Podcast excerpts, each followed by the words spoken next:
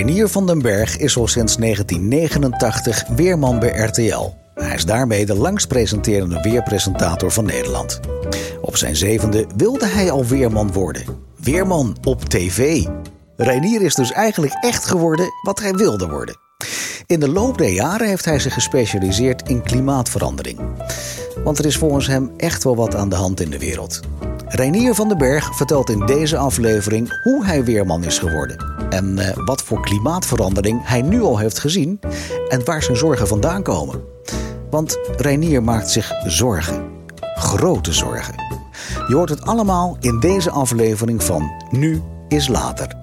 Dit is de Praatkast.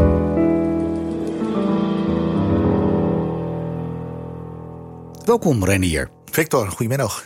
Om gelijk even met de deur in huis te vallen. Wat, wat is nu het werk wat jij nu doet? Want we kennen je natuurlijk als weerman. Ja. Uh, maar volgens mij doe je al een hele lange tijd hele andere dingen ook. Ja, je ziet me nog wel steeds regelmatig terugkomen als weerman bij RTL. Maar ik ben uh, sinds ruim twee jaar geleden voor mezelf begonnen. En ik noem me vaak duurzaam ondernemer. Ja. En dat betekent dat ik vooral probeer op bijeenkomsten en congressen uh, de zaal de aanwezigen te inspireren, te motiveren, in beweging te krijgen rondom het thema duurzaam ondernemen. En, en, daar geef je lezingen in? Ja, daar geef ik uh, ja, rijk geïllustreerde lezingen okay. met veel voorbeelden van deze tijd. Vind ik gewoon heel erg leuk om te doen. Uh, maar mag ik ook aannemen, eventjes gewoon vanuit ons perspectief, want het gaat om carrières. Uh, daar stuur je factuurtjes voor. Je stuurt een factuur voor het moment dat jij bij een bedrijf of bij een symposium ja. of een congres ja. jezelf aanmeldt. Ja, inderdaad. Als zelfstandig ondernemer uh, ja, is, ben je als spreker word je geboekt inderdaad. Hè? Dat kan via sprekersbureaus gaan. Ik heb zelf ook een sprekersbureau. Ja. En uh, ja, daar hoort inderdaad uh, een soort van, nou ja, uurtje factuurtje is het niet. Je maakt gewoon nette afspraken en je kijkt niet naar de tijd. Want het gaat er mij vooral om dat je gewoon iets heel moois maakt, zeg maar. En dat heeft dan een bepaalde waarde. Wat is in jouw beleving mooi? Iets heel moois. Mooi is je... iets, uh, als het hier om gaat, als het gaat om uh, ja, op een podium de zaal in beweging krijgen, vind ik het mooi als ik naderhand reacties krijg. En soms is dat pas na maanden of na een jaar. Van wat je toen hebt verteld, heeft ertoe geleid dat wij als organisatie, als bedrijf, of ik als individu dingen anders ben gaan zien. En nog belangrijker, anders ben gaan doen. En dat dan, dan heeft het altijd te maken met klimaat, mag ik aannemen. Ja, kijk, uh, ik zit ruim 30 jaar in de wereld van weer en klimaat. Dus daar heb je een hele dosis kennis uh, in verzameld. Mm -hmm. En ik begin vaak wel eventjes uh, de soort van bewustwording nog eens een keer goed te laten meebeleven met de zaal, met de aanwezigen. He, dus mensen te laten zien van ja, dat hele klimaatverhaal, je hoort het elke dag op het nieuws. Maar het gaat echt ergens over. Het gaat echt over onze toekomst. En het is misschien wel vijf over twaalf. Daar kan je over discussiëren, uh, zo van het type... ja, ik geloof er niet in, want vroeger was het ook wel eens warm.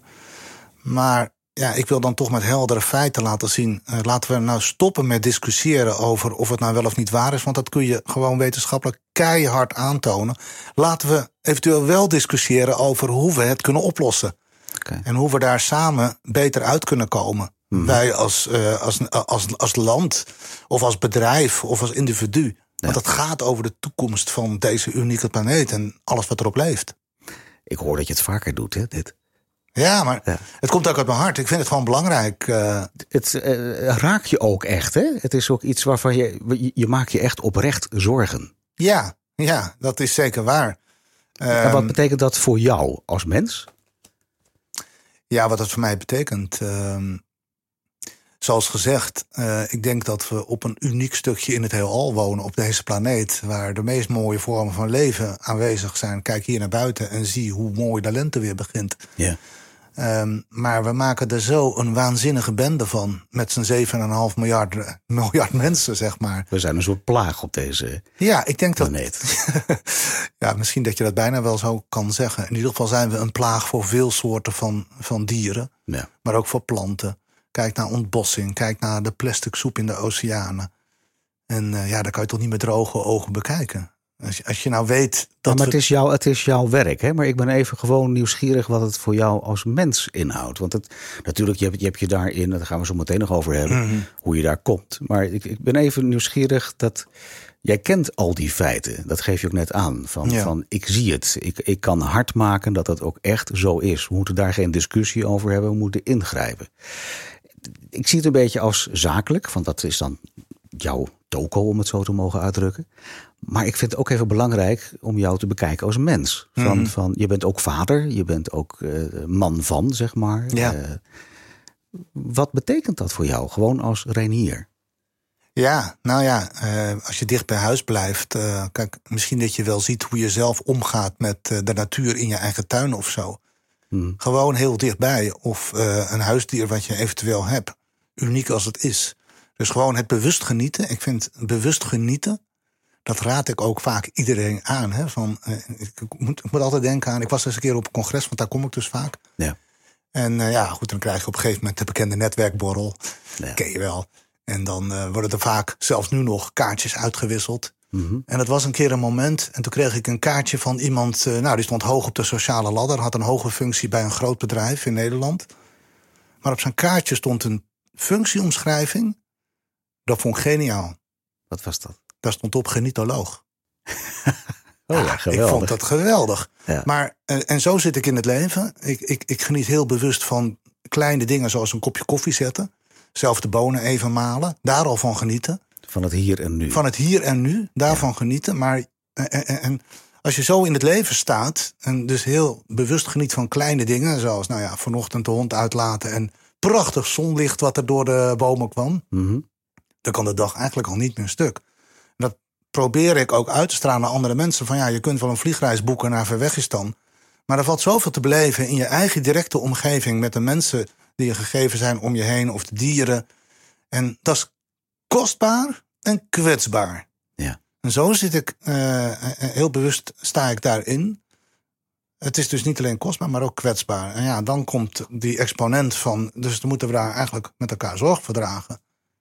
Dat we ook andere mensen ervan kunnen laten genieten. Of degene die na ons komen. Maar ik hoor je eigenlijk zeggen van dat ehm, je wel zorgen maakt, maar tegelijkertijd niet eh, vergeet te genieten van het moment zelf. Vat ik het goed samen? zo? Ja, ja, en dat laatste vind ik gewoon heel belangrijk. Ja. Ehm, En daarom, cursus, cursus mind- mindfulness is in jouw geval niet van toepassing.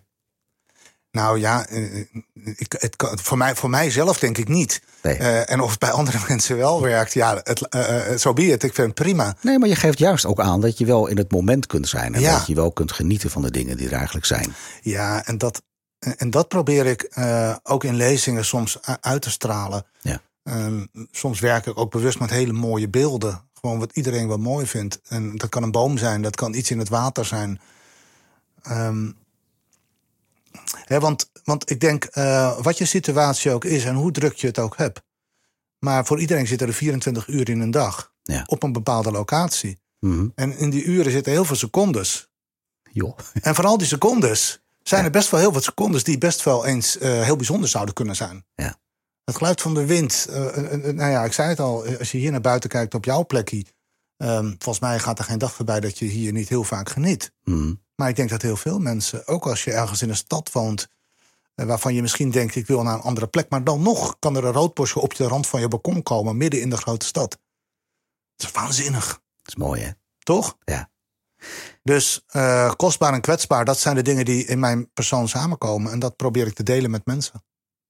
Ben je geworden wat je wilde worden?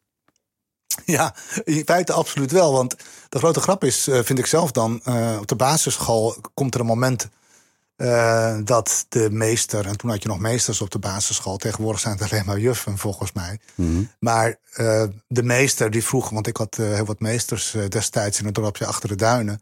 Van wat wil je later worden? En de meeste vriendjes van mij die wilden straaljager, piloot, politieman of brandweerman Ja, de bekende dingen, zeg maar. Ja, tuurlijk. Ja. Maar ik wilde weerman worden. Eigenlijk wilde ik nieuwslezer worden bij de televisie om het weerpraatje te kunnen doen. Letterlijk. Ja, letterlijk. Dat is letterlijk wat ik gezegd heb toen ik een jaar of nou, Precies, tussen de acht en de tien was. Oké. Acht en de tien. En eh, nou, dat was de tijd dat er inderdaad al een weerman op televisie begon te komen. eh, begin zeventiger jaren. Toen had je nog van die mag magneetwolkjes. die je Ja, dan ja, die had je toen. nog. Die, ja. dat weet jij Ja, nog, hè? ja. Ja, dat had je toen nog. En ik wilde dus inderdaad eh, nieuwslezer bij, bij het journaal worden... om het weer te kunnen aankondigen. Dus die weerhobby, die zit er bij mij in vanaf toen ik zeven was.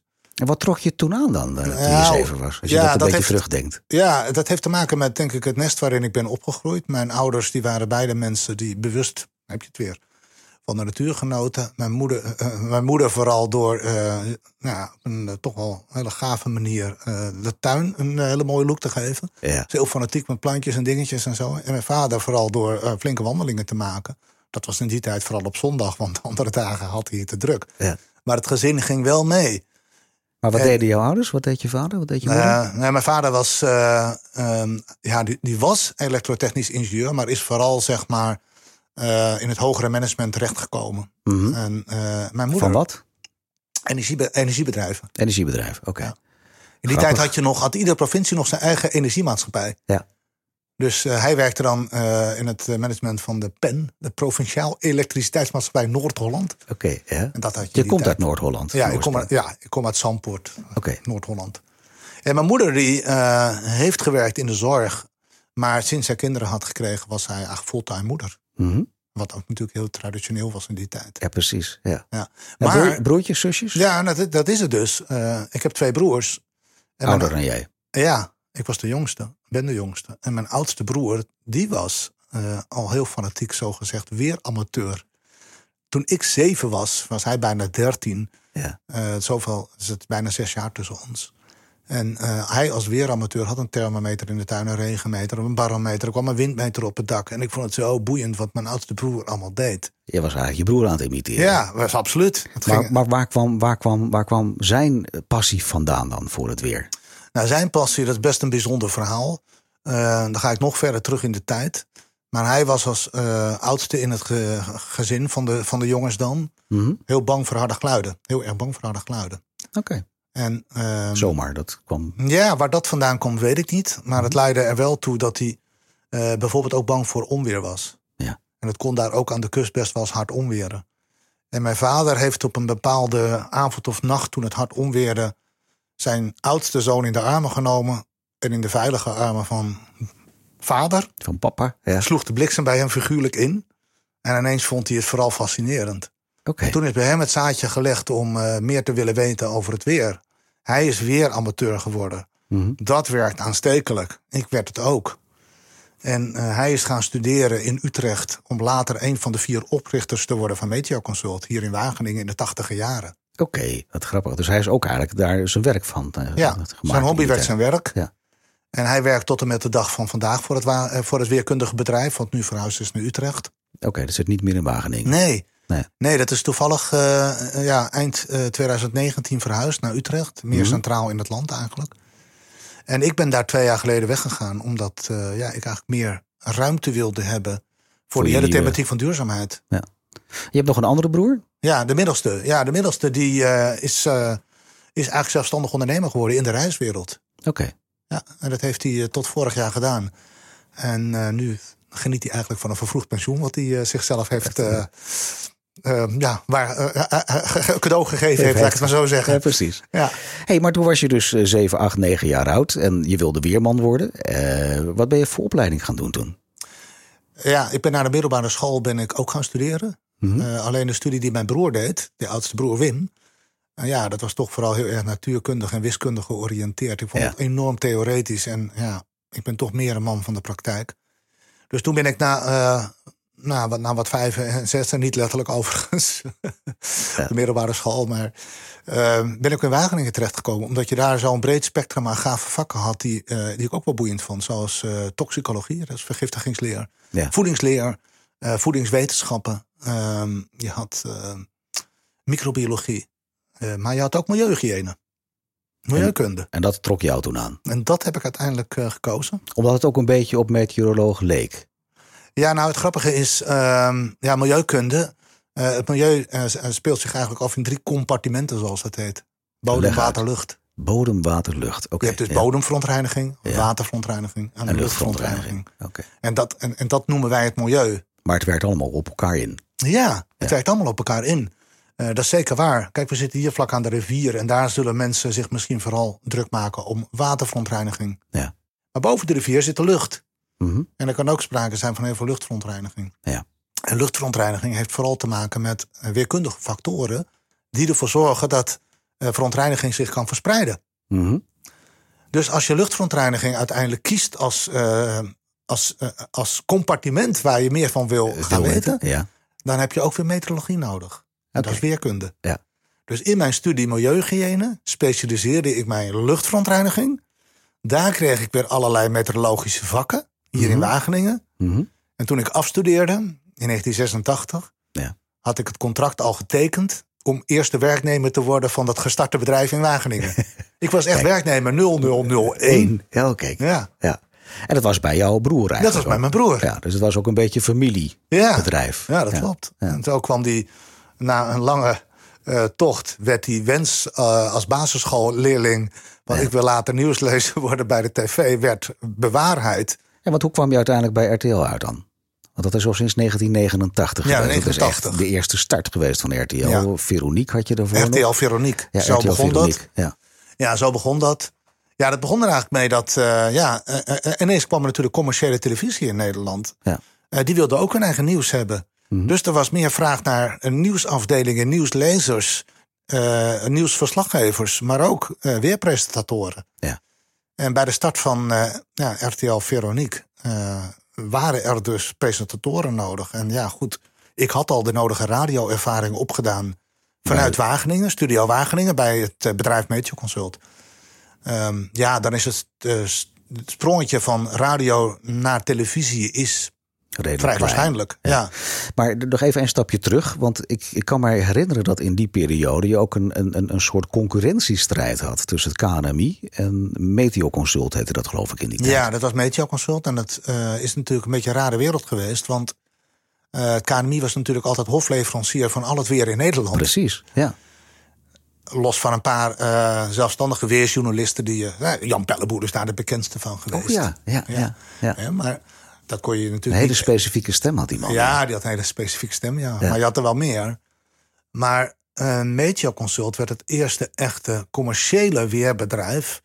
Ja, Precies, wat toch ging concurreren met het KNMI. En toen kreeg je een hele lastige situatie. Waar ook eh, juridisch nog het een en ander over te doen was geweest, natuurlijk. Want eh, wij concurreerden met het KNMI, maar het KNMI werd gefinancierd met overheidsgeld. Ja. En wij moesten onze eigen broek ophouden. Mhm. Dus dat was een beetje een merkwaardige vorm van concurrentie. ja precies. En toen zijn er echt wel- Staatssteun zou dat eigenlijk Ja. heten. Ja. Ja, dat klopt. Dus je kreeg de privatisering ook van, eh, van weerdiensten. Mhm. En het KNMI moest dus inderdaad bij wet bepaalde diensten afstoten. Ja. Die concurreerden met de commerciële weerdiensten. Dus eh, de radio- en weerpraatjes die vroeger van het KNMI kwamen... konden ineens niet meer van het KNMI komen. Die moesten wel eh, commercieel worden. Ja, het moest dus commercieel worden. En het tot en met de dag van vandaag is dat zo. Ja. Grappig hè, hoe dat dan Ja, eigenlijk zo loopt. gaat het dan. Ja. Ja. En eh, toen was je plotseling een wereldberoemde RTL-lezer, zeg maar. Nou ja, nationaal. nou ja, bij wijze van. ja, Ehm, ja, ja, ja. Nou, dat is jarenlang goed mogen gaan. En op een gegeven moment in de loop der jaren, want we hebben eerst de zure regenperiode gehad. Dat was Ja. eh, in de jaren tachtig. Ja, klopt. En, eh, eh, wat hadden we nog meer? De ozonlaag was ook zo'n zo'n Ja. zo'n zo'n wakker wordt moment, denk ik, eh, jaren 80, 90.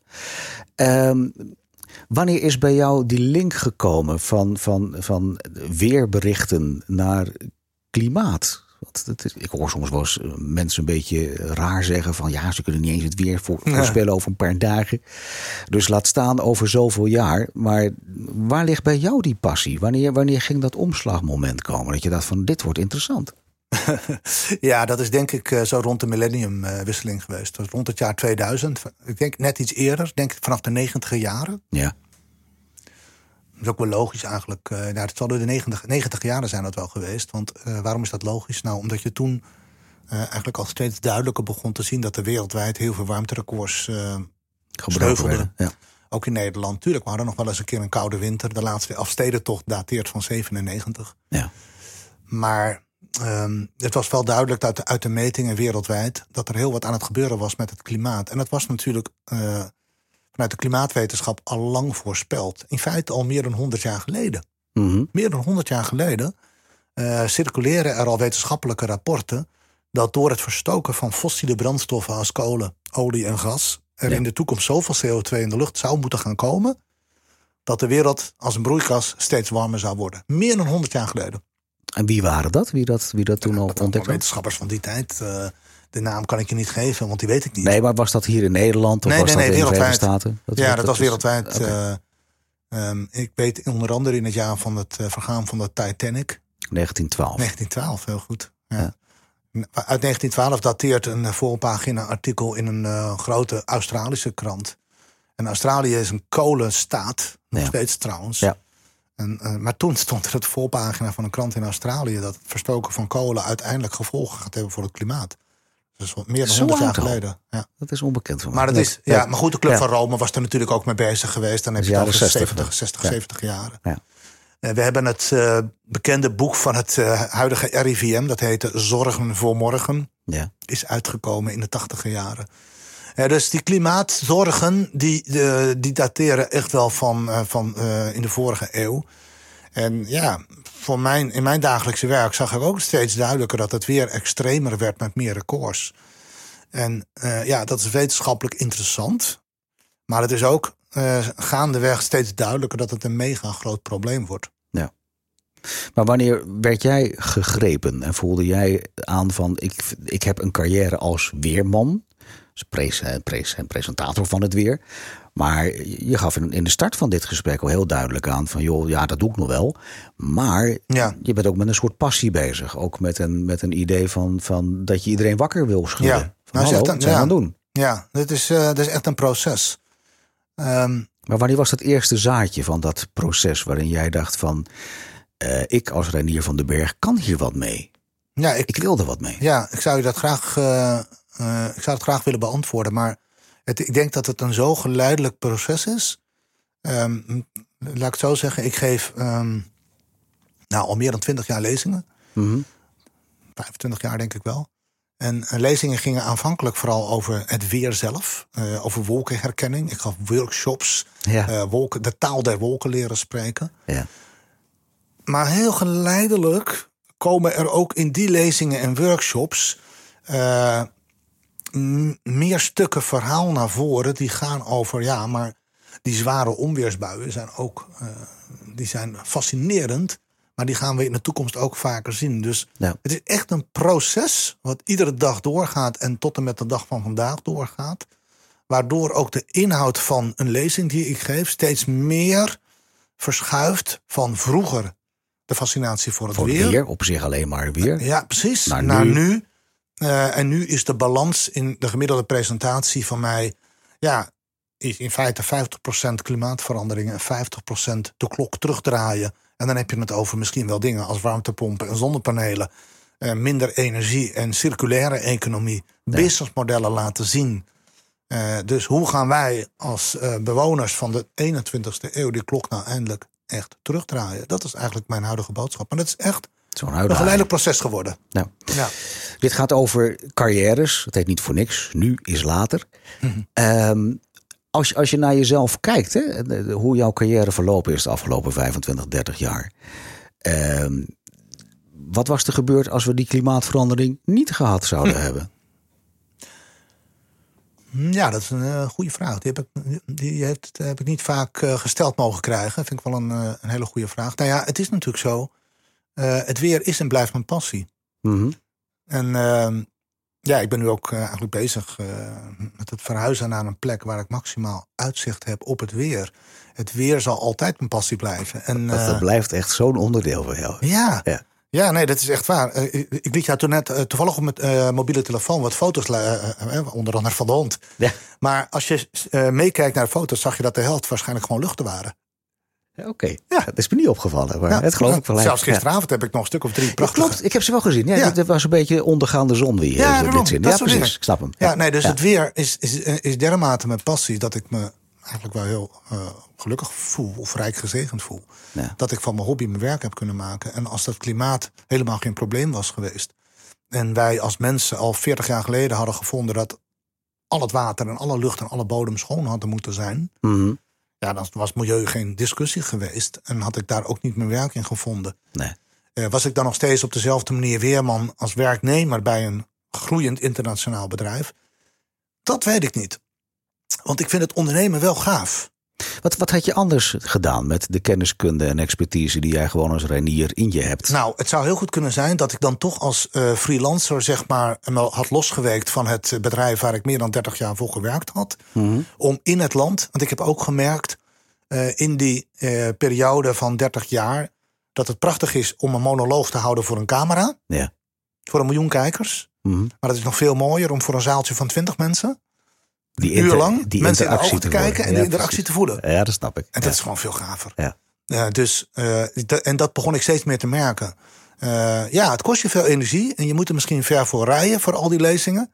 Ja, maar wat ga je dan, wat zou je dan brengen? Ik bedoel, ik, ik, ik mag zelf ook al de afgelopen 30 jaar trainingen geven. Ik snap precies wat je dan zegt. Het is, Hm. het is prachtig als daar in zo'n zaaltje een dynamiek ontstaat Ja. waar je mensen iets mee mag geven. Ja. En, en, en ook zelf ontvangen. Hè? Want ik zeg altijd, ik leer evenveel van mijn cliënten als dat zij van mij mogen leren. Mooi. Dat is altijd een soort, soort middeling. Ja, Ehm, maar ik heb me toegespitst op communicatie, op psychologie, op, op, Mhm. op waarom doen mensen dingen, wat zij dan doen. Wat zou buiten het weer, wat zou dan jouw target geweest zijn? Wat zou dan hetgene geweest zijn waarvan jij zegt van nou, daar had ik me ook wel bij thuis mogen voelen als het geen weer was. nou ja, dat is dat toch eh, wat ik net zei en wat ik iedereen ook gun. Het bewust genieten. Dan zou je een soort levensgenieting eh, geven. Ja, workshop, eh, eh, workshop genieten. Ja, een workshop hoe word ik genietoloog? Ja, precies. hè? Die hou ik, die hou ik er nog even in. Ja. Hey, en nog eventjes, omdat we het hebben over, over capaciteiten, over competenties van mensen. Daar, daar, gaat, dit, daar gaat dit programma over. Hè? Mhm. Ehm, ik wil ze even lostrekken. Ene kant weerman en de andere kant klimatoloog. Want ik Mhm. wil ik zo meteen ook even horen van je wat daar nou voor overeenkomsten en verschillen in zitten. Mhm. Maar over wat voor capaciteiten en competenties moet nou een goede weerman beschikken? Dus trek hem even los van wie Ja. jij bent. Ja. Als jij zou zeggen van nou, als ik iemand nieuw moet aannemen, wat moet die man of vrouw dan kunnen? Nou kijk, het, het woord weerman eh, is eigenlijk de term die we- wordt gegeven voor eh, meteorologen. Dat is de officiële term. Weerdeskundigen. Ja. Die gaan communiceren naar de buitenwereld toe. Dat worden de weermannen en weervrouwen. Mhm. Dus een weerman of een weervrouw is een meteoroloog met een extra dimensie, namelijk communicatie. Ja. Want eh, gaat het er jou om dat je als eh, werkgever goede weerkundigen wil hebben, die bijvoorbeeld een energiemaatschappij de beste verwachtingen kunnen geven, of een scheepvaartsbedrijf de beste Tuurlijk. verwachtingen kunnen dan heb je een goede meteoroloog nodig die niet per se ehm, die ingewikkelde meteorologische kennis kunnen platslaan in Jip en Janneke taal voor een breed publiek. Precies. Dat is communicatie. Ja. Dus eh, als je het specifiek hebt over een weerman, ja, dan moet je een goede communicator zijn. Ja. En dan moet je ingewikkelde materie in een ieder tijds, eh, tijdsframe, of, of ik nou jou in 30 seconden moet uitleggen hoe het klimaat werkt, of in 60 minuten. Ja. In beide gevallen moet je eigenlijk in staat zijn om dat Om die boodschap over te kunnen brengen. boodschap over te brengen. Dus communicatie ja, is dan een, Is dan eigenlijk een, eh, een is een doorslaggevende factor om een goed weerman of weervrouw te zijn. En voor die andere, als je klimatoloog wil zijn, en, en, en is dat een beetje min of meer hetzelfde, stel ik me zo voor. Maar waar zitten de verschillen dan misschien in? Nou ja, een klimatoloog die bestudeert dus veel meer de, eh, de gemiddelde eh, trends die er zijn in weer, in neerslag, in, in temperatuur, of langere periodes. Klimatoloog, dat is ook echt een wetenschap. Eh, ja, dat zijn echt wetenschappers die daar eh 24-7 als het ware wereldwijd mee bezig zijn. Ja. Wat was het weer, klimaat van een miljoen jaar geleden of duizend jaar geleden?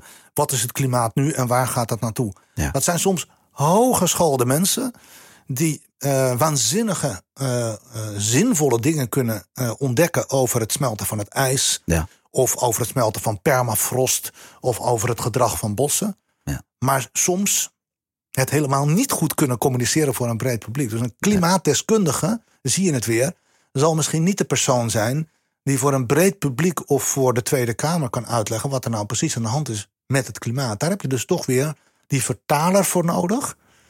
Ehm, En dat die- ben jij dan eigenlijk. ja, hè? dat ben ik dan weer. Ja, Ja. dat is wel weer mooi. Dat je dat dan eigenlijk zegt van joh, al die mensen die dit, dit moeilijke onderzoek doen. Want ik, ik stel me zo voor wat ik op National Geographic wel eens zie. Dat ze van die enorme boringen doen in Ja, het ijs. Om zeker. te zien wat er 10, 20.000 jaar geleden gebeurde. Exact. Eh, maar die mensen niet in staat zijn om dat aan de boerenlui zoals jij en ik, om het zo te mogen uitdrukken, te kunnen uitleggen. Ja, van waar, waar hebben we het nu eigenlijk Juist, over? uitzonderingen daar gelaten natuurlijk. Ja. Er zijn echt ook wel uitzonderingen daarvan. Ik vind zelf eh, mijn collega Peter Kuipers-Munneke, Ja. ehm, die zit bij de NOS. Nou, dat is echt een hardcore wetenschapper in de wereld van eh poolkappen, van ijs. Ja.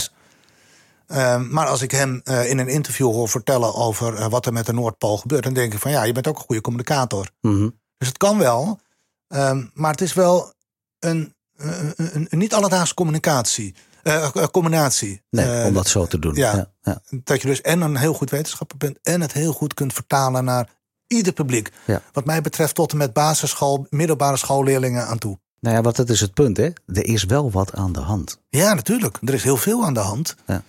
En eh, ja, dat moet dus toch wel tussen de oren komen van eigenlijk iedereen. Ja. Van kinderen, van ouderen en alles daartussenin. Ik heb ook begrepen, zeker in de start van het gesprek, maar ook in alle eerlijkheid ervoor, voordat we eigenlijk de microfoons open, openzetten, eh, dat je dit met hart en ziel doet. Hè? Het, is, het is echt jouw passie. Ja, het is mijn passie. Het komt vanuit mijn, eh, vanuit mijn diepste zijn, zeg maar. Ik vind het eh, ja, een deel van mezelf om, eh, hè, om, om daarmee bezig te zijn. En daarom zul je mij ook op social media eh, toch wel vrij veel communiceren over dit thema. Lig je er ook wakker van? Ehm, ja, ik kan dingen wel vrij goed parkeren en loslaten. Hm. Dus het echte wakker liggen, ehm, dat valt eigenlijk best mee. Nou, Ja. terwijl we ons wel zorgen moeten maken, want ik hoor je ook zeggen, het is vijf over twaalf. Ja. Ja. nee, dat is ook zo. Ehm, met de kennis die ik heb en die velen met mij hebben, eh, is het eh, zonder meer waar dat je je zorgen kunt maken over hoe de wereld eruit ziet als mijn kinderen of kleinkinderen mijn leeftijd hebben. Wat moeten we doen? ja, ja, die klok terugdraaien als je het vijf over twaalf noemt. Daar heb je ook hele praktische oplossingen voor. Ja, daar heb ik zeker praktische oplossingen voor. Hm. En dat, eh, dat is dan ook eh, vooral wat ik wil laten zien als ik ergens een presentatie of een lezing geef. Van hoe, Hoe doen we dat? Dat het erg is, dat is, eh, dat is één. Maar hoe, het zou nog veel erger zijn als we het niet konden oplossen. Nou, dat kunnen we dus wel. Ja. En daar moeten we op focussen. En eh, ja, dan gaat het natuurlijk eigenlijk eh, over het begrip... wat is onze impact op de wereld. Eh, Een gemiddelde Nederlander heeft voor zijn dagelijkse eten, drinken, spullen, et cetera... drieënhalve wereldbol nodig. ja. Gaat niet worden, hè? we hebben er maar één. Ja. Eh, dus dat moet een beetje anders. Dus, eh, Een beetje anders, zegt hij dan mooi. zeg Ja. ik dan heel voorzichtig, maar het moet dus extreem anders. Het roer moet om. En de uitdaging is eh, misschien wel, het roer moet om zonder dat we terug hoeven naar de steentijd. Oftewel, we gaan ook met nieuwe ontwikkelingen en technologie, eh, met veel minder impact op de planeet, toch een stuk welzijn behouden. Ik zie, een, ik zie een langzamerhand een vervolg op deze podcast aankomen. waar, waar, waar ben jij zelf over vijf of tien jaar? Nou ja, ik hoop dan te wonen ehm, in een ecologisch ontworpen huis... waar nu de laatste hand aan wordt gelegd. En over vijf of tien jaar ben ik nog niet met pensioen. Ik hoop eh, dat ik de gezondheid krijg om eh, de boodschap... eh, die ik nu dagelijks uitdraag nog decennia lang te mogen uitdragen. Want ik vind dat belangrijk. Maar het geeft me ook veel voldoening. Ik, vind het zinvol. En ik vind het vooral gaaf om te zien... eh, dat er niet alleen maar... ehm, eh, heel veel slechte dingen gebeuren in eh, de wereld van klimaat eh, en klimaatverandering. Maar dat er ook heel veel goede dingen gebeuren. En het laten zien van goede voorbeelden, dat vind ik altijd de beste motivator. Maar dan zeg je eigenlijk, ik, ik ga er de komende jaren voor kiezen om, om met, een, met, een, met een positieve vibe, een positief perspectief naar, dit, naar, dit ding, naar deze uitdaging te kijken. Ja, zeker. ik Ik, denk wel dat je mensen het best in beweging krijgt door positieve dingen te vertellen en te laten zien. Leuk, leuk om zo te horen. Dankjewel. Graag gedaan. Tot later. Dankjewel.